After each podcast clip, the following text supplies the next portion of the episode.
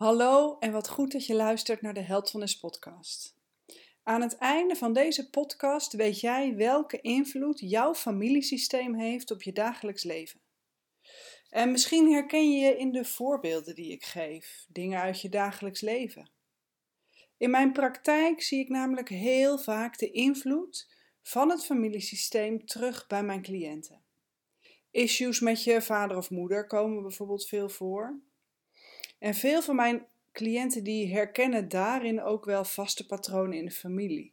bijvoorbeeld, je had je nog zo voorgenomen om jouw kinderen helemaal anders op te voeden dan jouw eigen moeder gedaan heeft. En dan kom je erachter dat je af en toe toch je moeder terug hoort in wat je zelf zegt tegen je kinderen. Maar daarnaast spelen er nog veel meer factoren een rol. Factoren die ook meer onzichtbaar zijn. Of waar je misschien helemaal niet van bewust bent. Nou, in deze podcast over dit onderwerp ga ik ook juist in op die onzichtbare elementen uit je familiesysteem. Die dingen die je niet altijd heel duidelijk kan plaatsen, maar die je wel beïnvloeden. En binnenkort neem ik nog een podcast op over het doorbreken van patronen en het opschonen van je familiestamboom. En in de volgende podcast over dit onderwerp vertel ik dan ook nog wat meer over hoe je trauma via je celgeheugen over generaties door kan geven. En hoe dus ook trauma aan jou doorgegeven kan zijn van de generaties voor je via het celgeheugen. Mijn naam is Ineke van Huxloot en ik ben transformatiecoach. In mijn praktijk werk ik altijd met de kracht van je onbewuste brein. En dat doe ik met hypnotherapie, met emotional freedom techniques, ook bekend als EFT of tapping, met thought field therapy, dat is een voorloper van EFT, en met breinverbindingsprocessen. Jouw onbewuste brein staat voor 95% aan het roer van je gedrag. En al je overtuigingen, je vaste patronen, je gewoonten hebben hun leefgebied in het onbewuste brein. Daarom is het maken van transformaties in het onbewuste juist enorm krachtig. Laten we beginnen. En voordat ik verder ga vertellen over de invloed van je familiesysteem op jouw dagelijks leven, wil ik je eerst een boek aanraden. Want Els van Stijn heeft een superboeiend boek geschreven over de invloed van familiesystemen. Het boek heet De Fontein. En ik raad veel van mijn cliënten aan om het boek te lezen. En heel vaak regent het daarna kwartjes. En heel veel cliënten daarvan hoor ik terug dat wat zij lezen, dat ze dat heel herkenbaar vinden. Dus een aanrader voor op je verlanglijst. In mijn praktijk tref ik veel mensen die niet op de juiste plek in de fontein staan. En dat zou je bij jezelf kunnen herkennen, bijvoorbeeld doordat je je heel verantwoordelijk voelt voor anderen. Of wanneer je je zingeving haalt uit nodig zijn voor anderen. Of dat je totaal uitgeput bent. Doordat je alleen op anderen gericht bent en niet goed voor jezelf kan ontvangen. Niet goed kunnen ontvangen betekent dan bijvoorbeeld ook dat je een schaarste mindset hebt. Bang voor tekort, bang om zelf tekort te komen of bang om tekort gedaan te worden. Maar bijvoorbeeld ook moeilijk complimenten kunnen aannemen. Of in een gesprek gedissocieerd spreken over jezelf. Hè? Als je gedissocieerd spreekt, dan uh, vertel je dingen door het uh, over je te hebben in plaats van over ik. Dus bijvoorbeeld, iemand zegt dan bijvoorbeeld, als ik een vraag stel en iemand geeft dan gedissocieerd antwoord, dan zegt diegene bijvoorbeeld ja, als dit en dat gebeurt, dan voel je je voor schut staan. In plaats van dan voel ik mij voor schut staan. dus dan spreek je gedissocieerd over jezelf. Nou, ik raad dus veel van mijn cliënten aan om dit boek te lezen. Uh, ook omdat ze patronen herkennen bij zichzelf en we daarmee dan in de sessie aan de slag kunnen. Dus De Fontein van Els van Stijn. Schrijf het even op als je het straks wil opzoeken, maar het is echt een super aanrader. En in het boek gebruikt Els een fontein als metafoor. En voor mijzelf, als visueel ingesteld persoon, is dat super uh, fijn geweest. Omdat het voor mij meteen een enorm duidelijk overzicht gaf van hoe die systemische invloeden werken. Want hoe je het moet zien, is een fontein die als een soort etagère boven elkaar staat. En in de bovenste bakken staan je voorouders. En daaronder je overgrootouders, je grootouders, je ouders. En dan jijzelf. Op volgorde van geboorte dat jouw moeder kinderen heeft gekregen. En daarbij tellen dan ook miskramen, geaborteerde kinderen en doodgeboren kinderen mee, of overleden kinderen. Dus stel dat jouw moeder voor jou een miskraam heeft gehad, dan ben jij eigenlijk de tweede kindplek in de fontein. Nou, en als je zelf kinderen of kleinkinderen hebt, dan staan die weer in de bak onder jou. Het gaat altijd om het biologische systeem van herkomst. En, heel belangrijk, iedereen in het systeem telt mee. Dus ook verstoten familieleden tellen mee. Bijvoorbeeld die oom in de gevangenis waar niemand over praat. En het uitgangspunt is dat wanneer jij op de juiste plek in de fontein staat, dan kan je het leven daadwerkelijk ten volle ontvangen. De fontein stroomt van boven naar beneden en niet andersom. Dus als je de uh, fontein visualiseert, dan kan je je voorstellen dat water altijd van boven naar beneden stroomt, met de zwaartekracht mee. Dat betekent dat je als kind ontvangt van je ouders en niet andersom. De stroom gaat van boven naar beneden. En jouw plek is de positie waar je het krachtigst bent en waar je toegang hebt tot je eigenheid en flair. Dus als jij goed op je plek staat, dan staat er een soort onzichtbare kracht tot je beschikking en dan krijg jij de noodzakelijke voeding vanuit je familiesysteem. En als je niet op die voeding bent aangesloten, dus als je niet goed op je plek staat, ja, dan voel je je eigenlijk innerlijk leeg. Maar omstandigheden kunnen ervoor zorgen dat je niet meer op je plek staat. Bijvoorbeeld doordat je als kind structureel bemiddelt tussen je ouders. Hè? Stel dat er een onopgelost conflict is.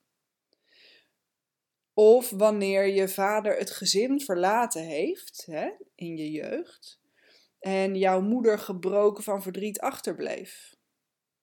Dan kan je dus opstijgen naar de plek die je vader heeft verlaten. Die heeft hij natuurlijk niet systemisch verlaten, maar fysiek in het gezin wel. Waardoor je naast je moeder komt staan, dan ben je eigenlijk opgestegen. En wat er gebeurt is dat kinderen onbewust uit liefde voor het familiesysteem dragen wat een ander niet kan of wil dragen. En wat er dan gebeurt is, je neemt iets op op jou wat niet van jou is, waardoor het jou minder goed zal gaan. En daarom mag en kan je alleen maar dragen wat van jou is, volgens die systemische wetmatigheden. En patronen die ontstaan zijn in je familiesysteem draag je bewust of onbewust mee in je verdere privé- of werkleven. En herhalende patronen uh, kenmerken zich door hardnekkigheid. En wanneer je dat niet bij de oorzaak, dus bij het familiesysteem aanpakt, dan blijkt in praktijk dat je die patronen bijna niet zelf kan doorbreken. En de oorzaak ligt dan bijna in alle gevallen in het feit dat je op de verkeerde plek in de fontein staat. Dus dat is net als wanneer je tegen de stroom in probeert te zwemmen. Je komt wel vooruit, maar het kost je superveel energie en wilskracht. En zodra je uitgeput raakt en je stopt met zwemmen, dan word je gewoon meegezogen door de stroming. Kijk, je ratio, je lichaam en de kracht van jouw plek in het systeem, die vormen samen een heel sterk trio. En twee uit drie zijn in dit geval niet altijd voldoende.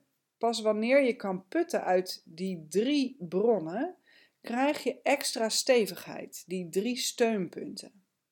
En wanneer één van die punten dan een duw krijgt, dan heb je nog die andere twee om je overeind te houden. Maar wanneer je langdurig niet op je eigen plek in de fontein staat, dan ontstaat er een tekort. En het gevolg is dat je behoeftig wordt. En je kan zelf behoeftig zijn door een tekort, maar dat geldt natuurlijk net zo goed voor je ouders. Die kunnen ook behoeftig worden als ze een tekort hebben opgelopen. En wat even belangrijk is, om, om in gedachten te houden, is dat het hier nooit gaat over schuld. Je kan iemand zijn lot nooit echt weten. Levens van mensen lopen op een bepaalde manier. En door ervaringen die je opdoet, doe je vertrouwen op, ontvang je liefde, maar het kan net zo goed zijn dat iemand beschadigd raakt. En dan kan er een tekort ontstaan en dan word je dus behoeftig. Behoeftige ouders gaan in dat geval hun tekort onbewust claimen bij hun eigen kinderen. En vanuit die, die diepe liefde voor hun ouders willen kinderen niets liever dan dat het hun ouders goed gaat, zelfs als dat ten koste van hunzelf gaat. En let op, dit gaat veelal volledig onbewust. Het kind heeft namelijk altijd onbewust de valse illusie dat wanneer het goed voor de ouder zorgt, dat dat tekort wordt opgeheven. En bij een behoeftige ouder wordt een kind daarom onbewust uitgenodigd om op te stijgen naar een andere plek in de fontein. Maar een tekort dat boven je in de fontein ontstaat, kan je nooit zelf verhalen of compenseren. Want de fontein stroomt van boven naar beneden. Dat is een wetmatigheid. Dus jouw onbewuste loyaliteit aan het familiesysteem zorgt ervoor dat jij uit liefde voor het systeem wil compenseren wat tekortgekomen is, maar dat is niet mogelijk. Iedereen in de fontein heeft zijn of haar eigen plek. En je ontvangt van je ouders wat ze je kunnen geven. En soms is het zo dat ouders alleen het leven kunnen doorgeven en eigenlijk verder niks te bieden hebben en nog even over schuld. Ik zei net al, het gaat niet over schuld. En daarmee bedoel ik, systemisch gezien, dat tekorten die jij oploopt niet de schuld zijn van je ouders.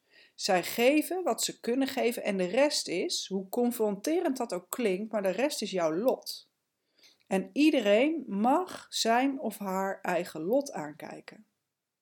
En systemisch gezien heb je niks te eisen van je ouders. Je hebt ontvangen wat ze je konden geven. En natuurlijk betekent dat niet dat je het eens moet zijn met hoe zij de dingen gedaan hebben. En het betekent ook niet dat je hoeft goed te keuren wat er gebeurd is.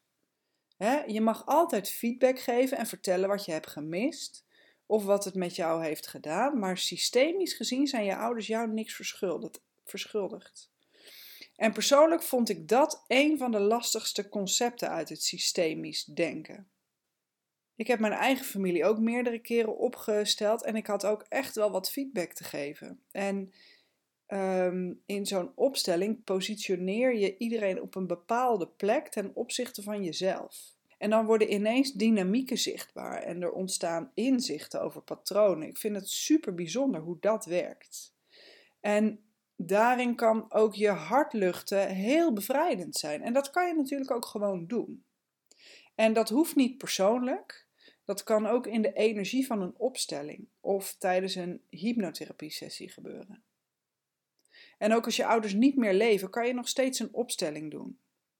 Ik ga zo meteen nog even verder over je eigen plek in de fontein, maar ik wil eerst er nog even bij stilstaan dat jouw ouders jou dus niks verschuldigd zijn en dat je niks te verwijten hebt. En juist omdat ik die zelf ook heel moeilijk vond, wil ik het daar nog even over hebben. Want iemand aanvaarden wil niet zeggen dat je goedkeurt wat er gebeurd is. Je doet het om jezelf innerlijk toestemming te geven om de last die jij ervan draagt los te laten. En wat mij daarbij geholpen heeft, is ook het onderscheid maken tussen schuld en verantwoordelijkheid. Want iemand zijn lot is niet zijn schuld. Maar je bent wel verantwoordelijk hoe je omgaat met wat je krijgt. En dat geldt voor je ouders, maar natuurlijk voor jezelf net zo goed. En door de verantwoordelijkheid te nemen om belemmeringen bij jezelf op te ruimen, zorg je ook dat het jou beter gaat. En dan heb ik nog een interessante voor je, want om te groeien moet je je schuldig maken. Want je kan namelijk niet uit de dynamiek van goed en kwaad blijven. Je schuld nemen is verantwoordelijkheid nemen voor je eigen leven en niet voor dat van een ander, behalve van je eigen kinderen. En het is nou eenmaal zo dat je af en toe om hetzelfde been vecht. Of dat je tegengestelde belangen hebt ten opzichte van anderen. Wanneer je alleen maar de ruimte pakt die jou aangeboden wordt, dan blijf je onschuldig. En op die manier blijf je eigenlijk innerlijk kind. een onschuldig kind, en je wordt dan niet volwassen. Schuld op je nemen geeft jou kracht om je geweten te overstijgen en het leven vol te nemen. Je pakt je ruimte en je laat het jezelf goed gaan. En het is onvermijdelijk dat je hierbij slachtoffers maakt. Dat is misschien een beetje zwaar gesteld, hè, maar dat je anderen teleurstelt. Misschien zijn anderen teleurgesteld of keuren ze af wat je doet. Het voordeel van geen slachtoffers willen maken is dat je zelf onschuldig blijft. En dat voelt prettig. Je brein is geprogrammeerd om van pijn weg te bewegen en naar genot toe te willen. Maar wat je in dit geval te leren hebt, is het verdragen van je schuldgevoel. En je schuldig of onschuldig voelen komt voort uit je geweten. En er zijn drie soorten van zo'n geweten. Je hebt het persoonlijk geweten, je hebt het familiegeweten of het collectieve geweten, hè, vanuit het familiesysteem uh, beredeneerd. En je hebt het universele geweten. Je persoonlijk geweten is je gevoel van goed en kwaad binnen de normen van de groep. Hè? En hierdoor zijn mensen ook tot de meest afschuwelijke dingen in staat, zonder zich schuldig te kunnen voelen. Denk maar aan bendes of secten, of bijvoorbeeld tijdens de Jodenvervolging. Het persoonlijke geweten is voelbaar en waarneembaar. En het familiegeweten is een collectief geweten dat waakt over een groep bloedverwanten. En hier liggen herinneringen en familiegebeurtenissen opgeslagen die betrekking hebben op je familiegeschiedenis. En het familiegeweten is niet voelbaar en niet waarneembaar, maar de effecten zijn merkbaar. En het speelt zich af op een diep onbewust niveau. En het doel van dat collectieve familiegeweten is om de familie bij elkaar te houden en de balans tussen geven en ontvangen van het hele familiesysteem te herstellen.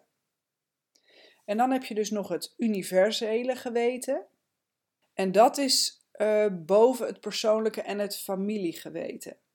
En hierbij wordt niemand uitgesloten en houdt, ja, dat houdt eigenlijk alles en iedereen bijeen als één geheel. Dus hè, meer over de mensheid gezien. Dan het verlaten van je plek in de fontein. Als je niet op de juiste plek staat, kan je niet het leven ten volle ontvangen.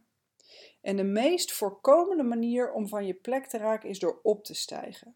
Want je komt dan in een van de bakken boven je terecht, bijvoorbeeld in de bak van je ouders. En er zijn drie redenen om op te stijgen. De eerste is als je verantwoordelijkheid neemt van iemand die boven jou in de fontein staat. Met andere woorden, je draagt iets dat niet van jou is. De tweede manier van opstijgen is: je hebt een oordeel over iemand die boven je in de fontein staat. Met andere woorden, je weigert te ontvangen wat er is. Je wijst af eigenlijk. Hè? En drie is, je bent onbewust geïdentificeerd of verstrikt met iemand anders die is buitengesloten uit het systeem, wiens plek niet wordt erkend. Dan vertegenwoordig je eigenlijk iemand. Dan, je zou kunnen zeggen, dan ben je in dienst genomen om degene te vertegenwoordigen die buitengesloten is uit het familiesysteem. Nou, wat merk je dan als je niet op je plek staat? Je ontwikkelt een patroon waarbij geven makkelijker voor je is dan ontvangen. je bent altijd op anderen gericht, naar buiten gericht en niet zo. Uh, ja, je zorgt niet zo goed voor jezelf. Je ontvangt niet goed voor jezelf. Iets anders wat je kan merken is je wordt groot in plaats van sterk. Jezelf de schuld geven is makkelijker dan de situatie realistisch bekijken. Of je laat het jezelf slecht gaan. En dat kan zijn van leeg voelen helemaal tot een burn-out. Je kan verslavingsgevoelig zijn. Of je uh, installeert hardnekkige, lastig te doorbreken gewoonten. Of je verliest contact met je gevoel, waardoor je eigenlijk een soort wandelend hoofd wordt. Hè? Iemand die continu een hoofd vol gedachten heeft en het lichaam minder goed kan voelen. Opstijgen is hetzelfde als het jezelf niet goed laten gaan. En als je langdurig bent opgestegen, dan ontstaat er een patroon waarin je het ook lastig vindt om de oorspronkelijke emoties te voelen bij de oorspronkelijke gebeurtenis, dus eigenlijk de aanleiding van de emoties. En je gaat dan emoties uit de weg die gepaard gaan met een emotionele wond. En je laat emoties toe die de eigenlijke pijn afdekken, maar niet oplossen. Dat is het verschil tussen primaire emoties en secundaire emoties. Dus je wordt boos of agressief in plaats van het, uh, je verdriet te uiten.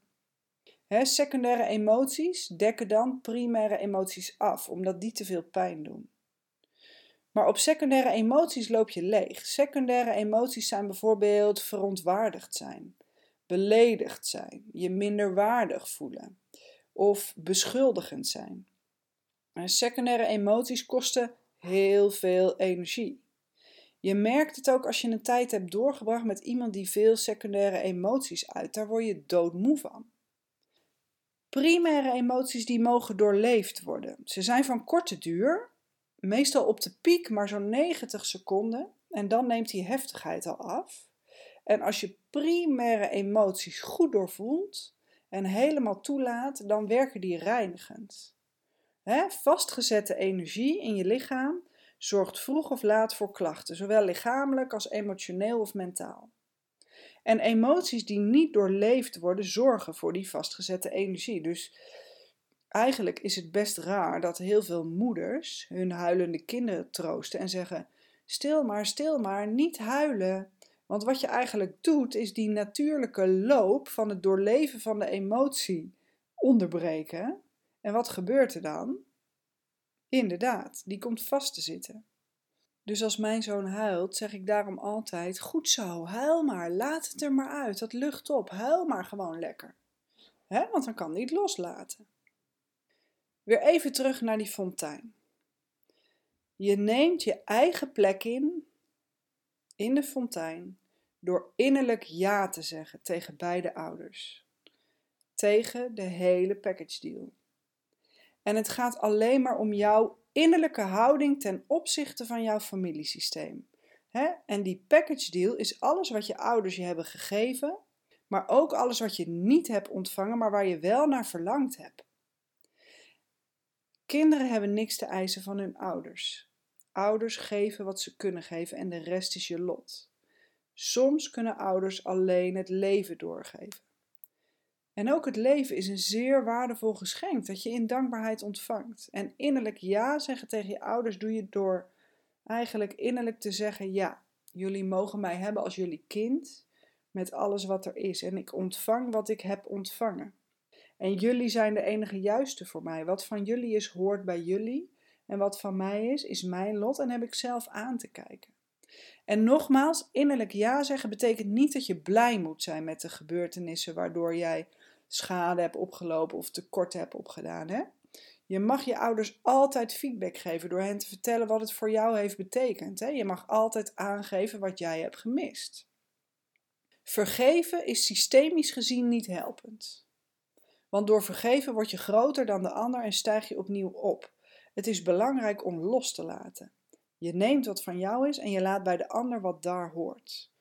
Ongeacht of diegene daarvoor de verantwoordelijkheid pakt. Dat is namelijk niet aan jou, dat laat je ook los.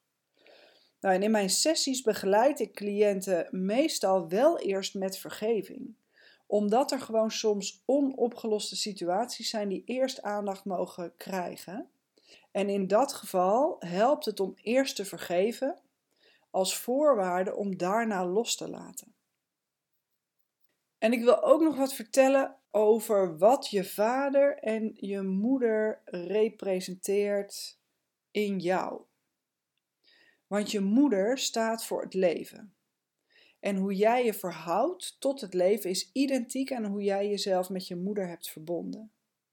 De mate waarin je opstijgt naar je moeder is gelijk aan de mate waarin jij door het leven wordt afgewezen.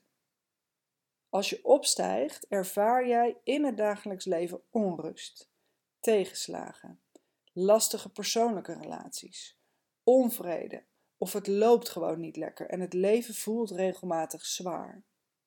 Als vrouw krijg je via je moeder je vrouwelijkheid. Als een dochter haar moeder heeft aangenomen, dan zie je ook in haar gezicht een bepaalde zachtheid, een bepaalde vrouwelijkheid. En die vrouwelijkheid heeft iets volwassens en iets krachtigs. Dan verdwijnt het meisjesachtige uit het gezicht. En via je vader ontvang je het vermogen om te begrenzen en de wereld aan te nemen.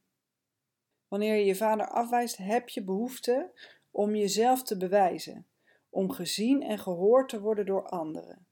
En je wil anderen overtuigen dat je wat kan, dat je de moeite waard bent en dat je doelen kan behalen. Op het moment dat je je vader kan aannemen, zal je merken dat bewijsdrang zich omzet in een natuurlijke vorm van daadkracht en van ambitie. dus dan ben je ambitieus, even los van wat de wereld ervan vindt. En of het ook door anderen erkend wordt, jouw resultaat. Dus van je moeder ontvang je het vermogen om je te verbinden en van je vader het vermogen om je te begrenzen. Ik hoop dat je nu al veel wijzer geworden bent over de invloed van je familiesysteem. Dus nog even een korte recap van de dingen die je mag onthouden. Ervaar je aanhoudende emotionele onbalans in het dagelijks leven, dan is het echt de moeite waard om te kijken naar de invloed van jouw familiesysteem. Het familiesysteem betreft je biologische systeem van herkomst. En wanneer je niet op jouw juiste plek in het familiesysteem staat, dan kan je het leven eigenlijk niet ten volle ontvangen. Nou, er zijn dus verschillende redenen waarom mensen opstijgen: hè? het overnemen van verantwoordelijkheid, een oordeel hebben over iemand boven je, of een onbewuste identificatie of verstrikking met iemand die verstoten is uit het familiesysteem. Ouders geven wat ze kunnen geven en soms is dat alleen maar het leven. Afdalen doe je door innerlijk ja te zeggen tegen die hele package deal. Dus dit houdt in alles wat er is, inclusief de fijne en de pijnlijke dingen die er zijn. En het innerlijk aannemen van je ouders kan ook als ze overleden zijn of zonder dat je een gesprek met ze voert. Het gaat echt om jouw innerlijke proces van aannemen. Met je vader en je moeder in je hart kan je niet bevriezen. En met de onzichtbare kracht en de steun van de fontein sta je vol in het leven en ga je relaties aan die zowel voor jou als voor de ander verrijkend zijn. Je ontvangt wat er is. En als je veel ontvangt, heb je ook veel te geven. Ik hoop dat ik je heb mogen inspireren. Super dankjewel dat jij je tijd hebt gestoken in het luisteren van mijn podcast. En vind je deze podcast leuk, dan zou ik het enorm waarderen als je dat wil belonen met een 5 sterren review en als je je aanmeldt als volger van deze podcast. Je ziet, ik heb geleerd om te ontvangen. Sterker nog, ik vraag nu gewoon zonder schroom om jouw positieve review voor deze podcast. Overigens, tien jaar terug had ik dat nooit gedaan of gedurfd, maar het is geen enkel probleem meer. En het voordeel van goede reviews op de podcast en veel volgers is dat die ook beter gevonden wordt en meer luisteraars aantrekt. Heeft deze podcast je aan het denken gezet? Of zou je graag aan de slag willen met het doorbreken van hardnekkige patronen?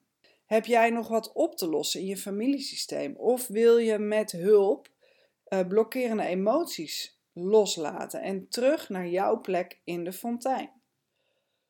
Kijk dan op mijn website www.heldfulness.nl en heldfulness schrijf je met 1 L en 2 S aan het eind. En plan gerust een gratis belafspraak. Dan bespreken we waar je mee rondloopt en hoe ik jou kan begeleiden naar een leven met meer vrijheid, meer vitaliteit en levensgeluk. Nogmaals, dankjewel voor het luisteren en zorg goed voor jezelf.